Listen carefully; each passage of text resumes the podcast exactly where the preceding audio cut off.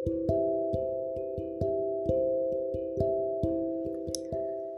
akhirnya, kita sama-sama memutuskan untuk berhenti. Kita memutuskan berjalan pada jalan masing-masing. Memutuskan untuk tidak lagi saling menikam satu sama lain. Pada akhirnya, waktu adalah obat paling tepat melahap seluruh kecemasan dan kegelisahan yang barangkali sedari dulu sering menikah malam-malam kita berdua dengan air mata. Hiduplah seperti apa yang kamu mau. Tertawa bersama orang-orang yang kamu mau. Makanlah dengan banyak dan istirahatlah dengan cukup. Ya, hiduplah seperti itu. Terbanglah sebagaimana mestinya. Lakukan saja apa yang kamu mau. Jika kamu ingin menjadi sesuatu, kejar sampai kamu mendapatkannya. Jangan terjerat lagi pada sesuatu yang salah, yang dapat menenggelamkanmu pada palung paling dalam. Aku mohon, jangan terjerat lagi pada apa-apa yang akan kamu sesali nantinya. Bertanggung jawablah pada dirimu sendiri. Kini, kita akan merawat ikhlas yang sama dengan jalan yang berbeda. Aku akan hidup dengan bijak dan aku akan hidup dengan layak. Barangkali jika luka ini masih nyata adanya, dalam beberapa tahun ke depan aku memang berniat ingin meninggalkan kota ini.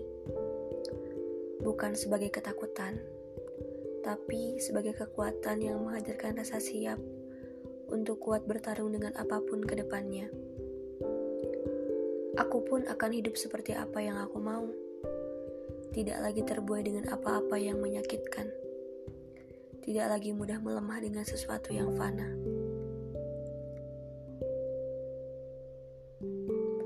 Pengembaraan kita kucukupkan sampai di sini, sebagai permata yang hilang ditelan berbagai kedukaan. Karena sejak awal, ternyata kita berlayar tanpa peta, kita buta, kita tersesat. Sampai berkali-kali harus kutanya, kita akan ke mana? Aku harap kelak aku dapat menemukanmu kembali.